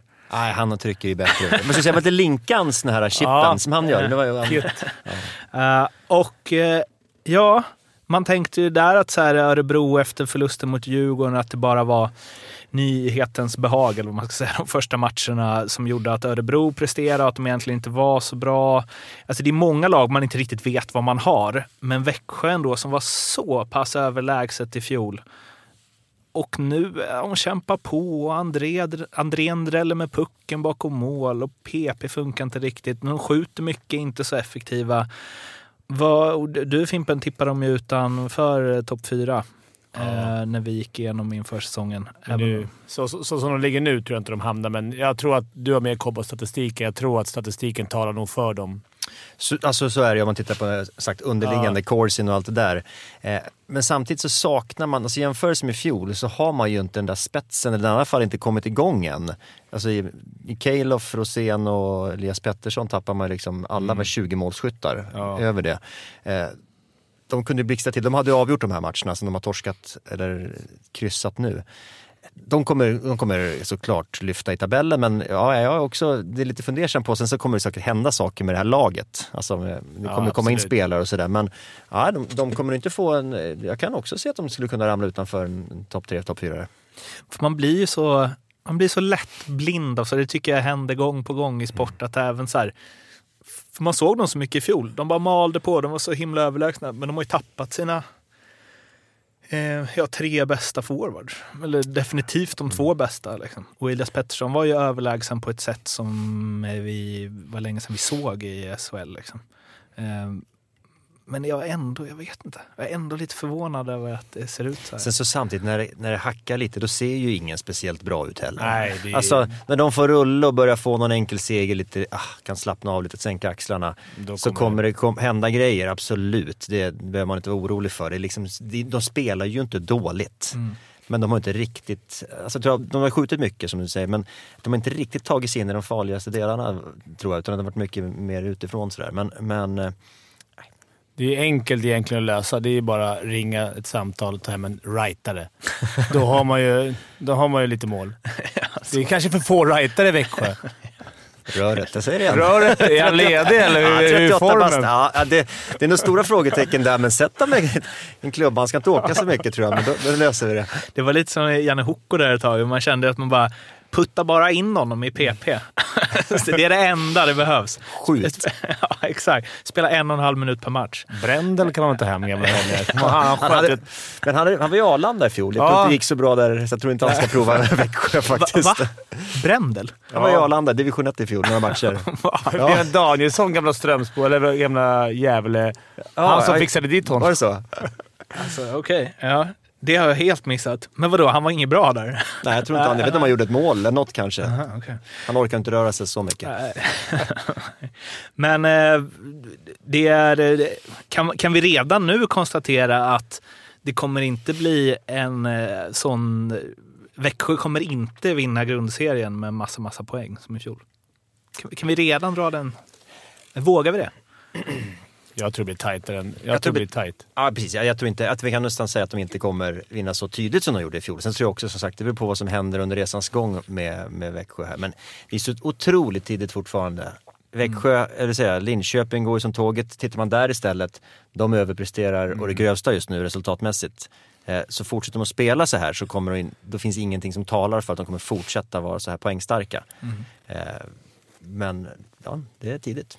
Så det är kul tycker jag. Både Skellefteå, Djurgården, Växjö vet man kom- kommer vara bra. Frölunda vet man kommer vara bra. Linköping överpresterar. Det finns många lag nu. Malmö är där, som är där och Färjestad som skulle vara topplag har hackat lite. Det är kul.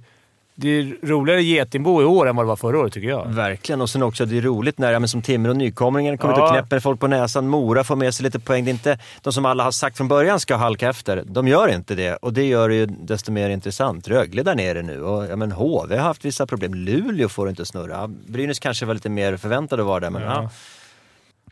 En, en sista grej om Växjö där. Alltså, nu har ju inte du eh, vunnit eh, Fimpen, men liksom, du har ju varit i framgångsrika lag. När man, har- när man har varit med om det och sen så säsongen efter, om det, bör, om det inte riktigt ser ut som säsongen innan.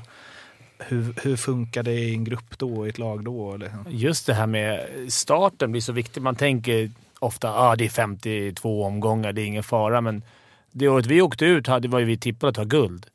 Och liksom första, jag vet inte, nu är jag rädd för statistiken, men jag tror att vi hackade lite i början. Och är det lag som börjar hacka i början och har förväntningar på sig så blir det att folk börjar titta på varandra i omklädningsrummet och det går inte att komma ifrån. Så att, jag menar, fortsätter Växjö att förlora så tror inte jag det är jättelätt att bara vända på det. Nej, och, och vad vill man som spelare ha då? Om, om det skulle fortsätta hacka. Vad vill man att liksom En händer? målfarlig jäkla rightare som kommer in och gör, ja, men avgör sådana här matcher. Eller en Linkan Bremberg som kanske kan... Vi spelar dåligt, men han går in i ett PP och liksom avgör matchen. Eller? Men Jag tänker så, kan det vara, alltså med, med den statistikbank som klubbarna har också nu, om det kan vara skillnad, då kanske man hade bara en känsla, vi får inte med oss resultaten. Det var så otroligt liksom, uppbundet kring det. Nu, nu kan Sam Hallam och Evertsson och Hall där bara kolla, hörni, fortsätt. Det kommer lossna. Titta, vi driver matcherna, vi har mest puck, vi har mest chanser av de här. Okej, vi har torskat jämna matcher just nu, men fortsätt, känn ingen stress, vi gör det inte. Kanske i alla fall en, en, liksom en, en tröskel till att in, så man inte trillar dit på en gång och känner shit, vi har torskat. Det är lite tråkigt också. Jag tänkte precis säga det. Jag vill, statist, alltså, inga siffror, ingen statistik. Det är förbjudet. Gå på magkänsla. Det kommer bli roligare då. Fast det går väl. Karlskrona gjorde väl en monsterstart för... Jo, ja, då ledde ju serien där. Ja, Ja. så det går ju faktiskt att döda statistiken lite. Absolut. Ja, men den, den är ju ingen sanning. Nej. Alltså, alltså så, men den är en indikator på vad det är. Det är svårt att vinna SM-guld om du inte är bland de topp tre. Det är ingen Nej. som gör det. Men Nej. det kan ju gå. Ja, men det var ju lite som eh, Eh, den säsongen när eh, Leksand hade gått upp och hade eh, Patrik Hersley som bombade in 24 mål och Alsenfelt som storspelare. Då hade ju de, lagen liksom precis ovanför och precis under dem i tabellen hade ju så här minus två eller tre i målskillnad och Leksand hade minus 36 eller något sånt där. För att så här, allt var corsi och allt vad det är, eh, alltså över 50 matcher, 50-60, kanske till och med alltså ännu fler. Du kan ju, eh, alltså vad säger man, gå utanför den grejen ganska länge. Det är väl när du kommer upp i liksom, jag vet inte, 100 matcher. Eller jag har ingen aning här, jag bara svamlar. Men alltså, man kan ju över en säsong med en som slår målrekordet för backar och en målvakt som överpresterar en, eller liksom Jo, du kan ju ta några placeringar men du kommer ju sällan vinna guld. Nej, exakt. Alltså du kan vinna en matchserie för där är det mycket tajtare än mot lag som egentligen skapar mer, Mm. absolut. Men alltså, det går ju. Men om man ska betta på det. Om Ja, man säger exakt. att 60% av matcherna är de som gör det här bättre och 40% de så här, vilken vill du vara i? Ja men då vill jag ju vara de som är 60 antar jag, de flesta vill. För det kommer i det långa loppet ge bättre resultat. På, på, på temat Leksand där, alltså, när de slog ut Modo i kval, där känns det ju som att det var att Modo kanske hade 99-1 i alla siffror. Liksom. Eh, men det händer ju också bara, det, det ser man ju bara en gång vart. Ja, men i slutspel 25 också, år, liksom. som man ändå får se att det var, är ju nästan de där siffrorna helt borta. För då är det så mycket känslor och... Ja men det mentala också, Ja, som säger exakt. oj jäklar vi är bakom eller vi är... Ja. Det gäller att säga rätt saker så man inte får två matchers avstängning också. Ja. Eh, hålla sig kall. André Brändheden har gjort en eh, lista som vanligt, den brändheta listan om eh, ja, just snacket eh, på isen. Så vi tar oss en avstickare till Ängelholm och lyssnar på André. Hallå hockeyvänner! Ny vecka, nya möjligheter och ny bränd heta listan. Jag tänker så här, jag vill gärna dela med mig tre av mina minnen från Trash Talk och hur jag har upplevt dem. Även tänkt ett lite annorlunda sätt hur, hur man ska kunna motarbeta dem och kanske gå starkt ur situationen istället. Vi börjar med den vanligaste som jag alltid fick höra väldigt mycket under min karriär. Tjockis, fettu, pumba, you name it, allt det där. Det var ju för att de tyckte ju att jag var överviktig. Och jag kan köpa det så jag har alltid haft lite extra hull med mig inför en sträng vinter. Och det har ju varit svårt för mig att bli av med helt enkelt. Eh, där tycker jag att man, när man får den typen av eh, trash emot sig, så varför inte jobba lite med, med liksom försök få feedback. Försök, ja men hur gör du? Du ser ju väldigt smal och snärt ut. Har du en PT? Har du några schyssta övningar du kan dela med dig? Har du en kostrådgivare? Vad äter du? Käkar du också ett kilo lösvikt varje lördag? Eller hur jobbar du? Har du några schyssta recept på käk? Jag menar det kanske inte funkar med pommes och bea. Kan vi ha något annat? Lite mer så man jobbar mot varandra. Liksom får lite mer kontakt i att Nej men hjälp mig då om jag är så där himla överviktig som du säger. Nästa grej. Du är så jävla kass, du är så dålig, du hänger inte med, bla bla bla. Lite åt samma tema som med tjockis. Men försök då få lite, jobba lite med varandra. Ja men jag, ja, jag känner mig inte bra nu. Jag är inte tillräckligt bra. Vad ska jag göra? Har du något tips? Du verkar ju inte heller så himla snabb. Kanske du kan hjälpa mig? Hur, ska jag vara lite smartare istället kanske? Vad ska jag göra här? Jag, jag känner liksom, jag hänger inte med längre. Har jag slarvat med fysen? Vad har hänt? Ska, har du några tips på någon, några bra övningar så jag blir lite snabbare? I mean, samma sak där som med tjockisen. Ha ett utbyte med varandra. Lär av varandra. Sista biten som jag alltid också fick höra. Det var ju. Kan du inte spotta ut gröten ur munnen? Du, du, du, man hör inte vad du säger för du har gröt i hela flabben. Det är en gammal klassiker.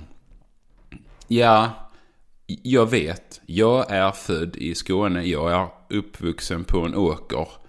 Jag är från Göingetrakten. Snapphane dit, snapphane dit. Jag är stolt över min dialekt och jag tycker det är bra att jag kan prata skånska. Där får man också försöka. Ja, jag vet, jag låter lite grötig. Jag, jag förstår att du tycker det är svårt att kommunicera med mig. Skulle du och jag kunna hitta andra vägar vi kommunicerar? Kanske vi kan hitta ett eget internt teckenspråk. Kanske vi kan lösa det med bilder eller någonting annat. Försöka jobba hela tiden, vara kreativ. Det är det det handlar om, kreativiteten i alla de här olika lägena. Menar, det finns ju ingen anledning att hålla på och prata med varandra om man ändå inte kan liksom kommunicera vidare i dialogen och få någonting ut av det. Det är inte lönt att liksom kasta ur sig någonting och sen ja, har man ingen liksom eh, vidareutveckling i det sen. Nej, nej, nej. Skärpning samtliga. Tänk på hur ni uttrycker er. Tänk på att vi är förebilder, alla vuxna för våra barn. Framtiden, det är den vi ska bygga tillsammans. Tack för idag. A bientôt.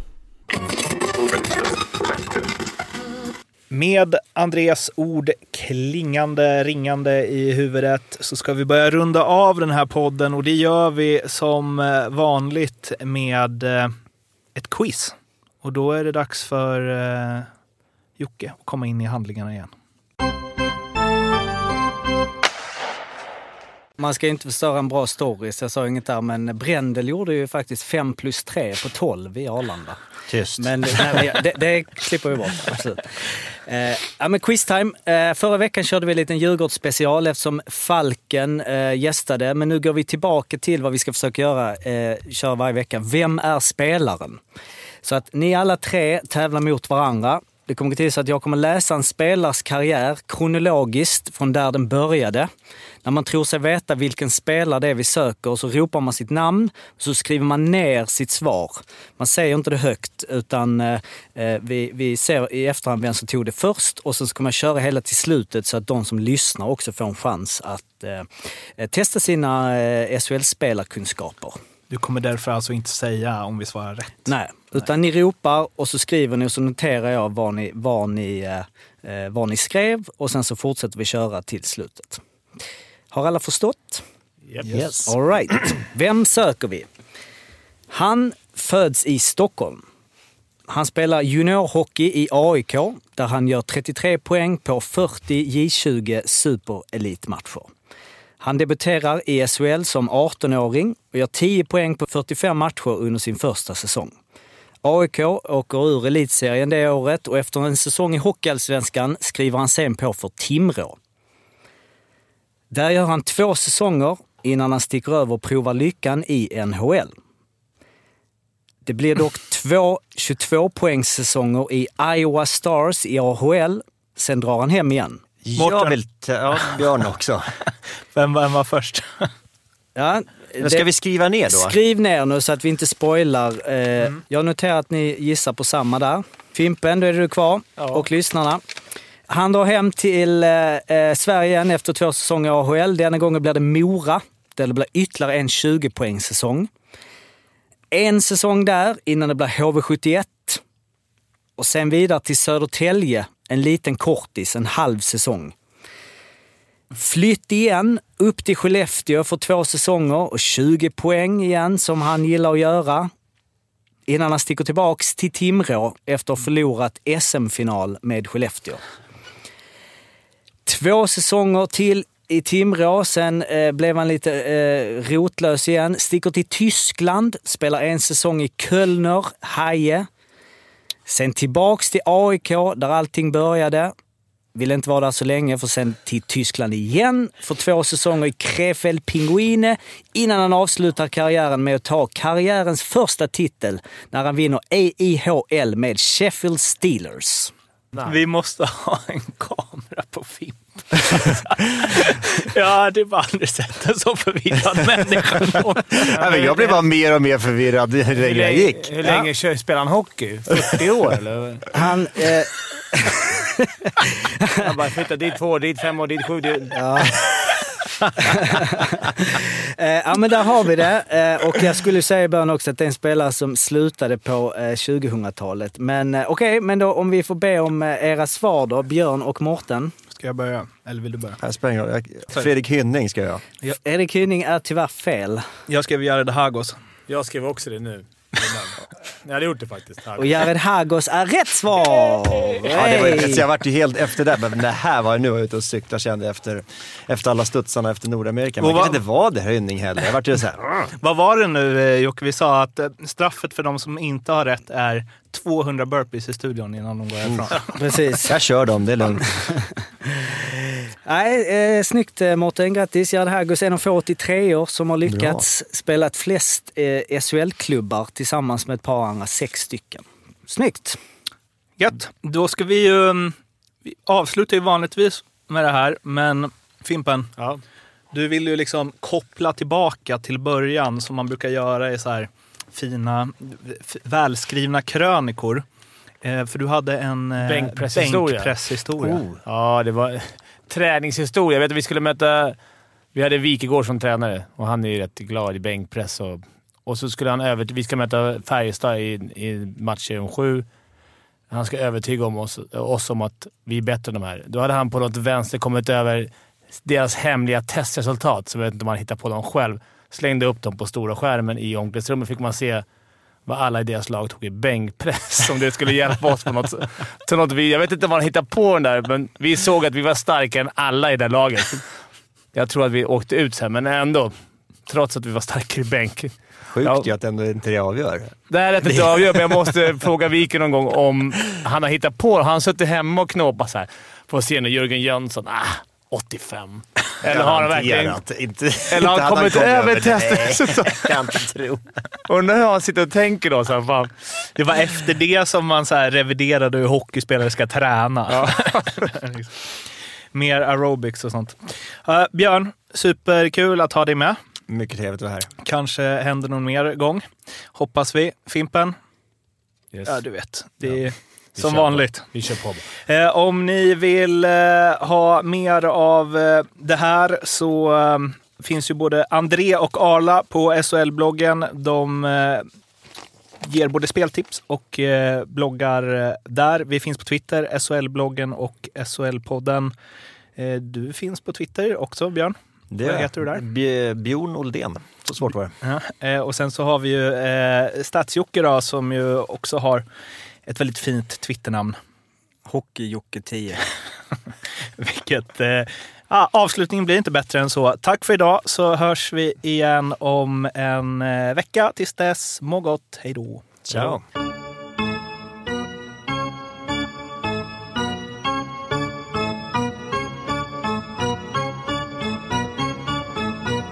SHL-podden görs av mig, Mårten Bergman, tillsammans med Joakim Österberg för Betssons räkning och produceras tillsammans med SMT Radio.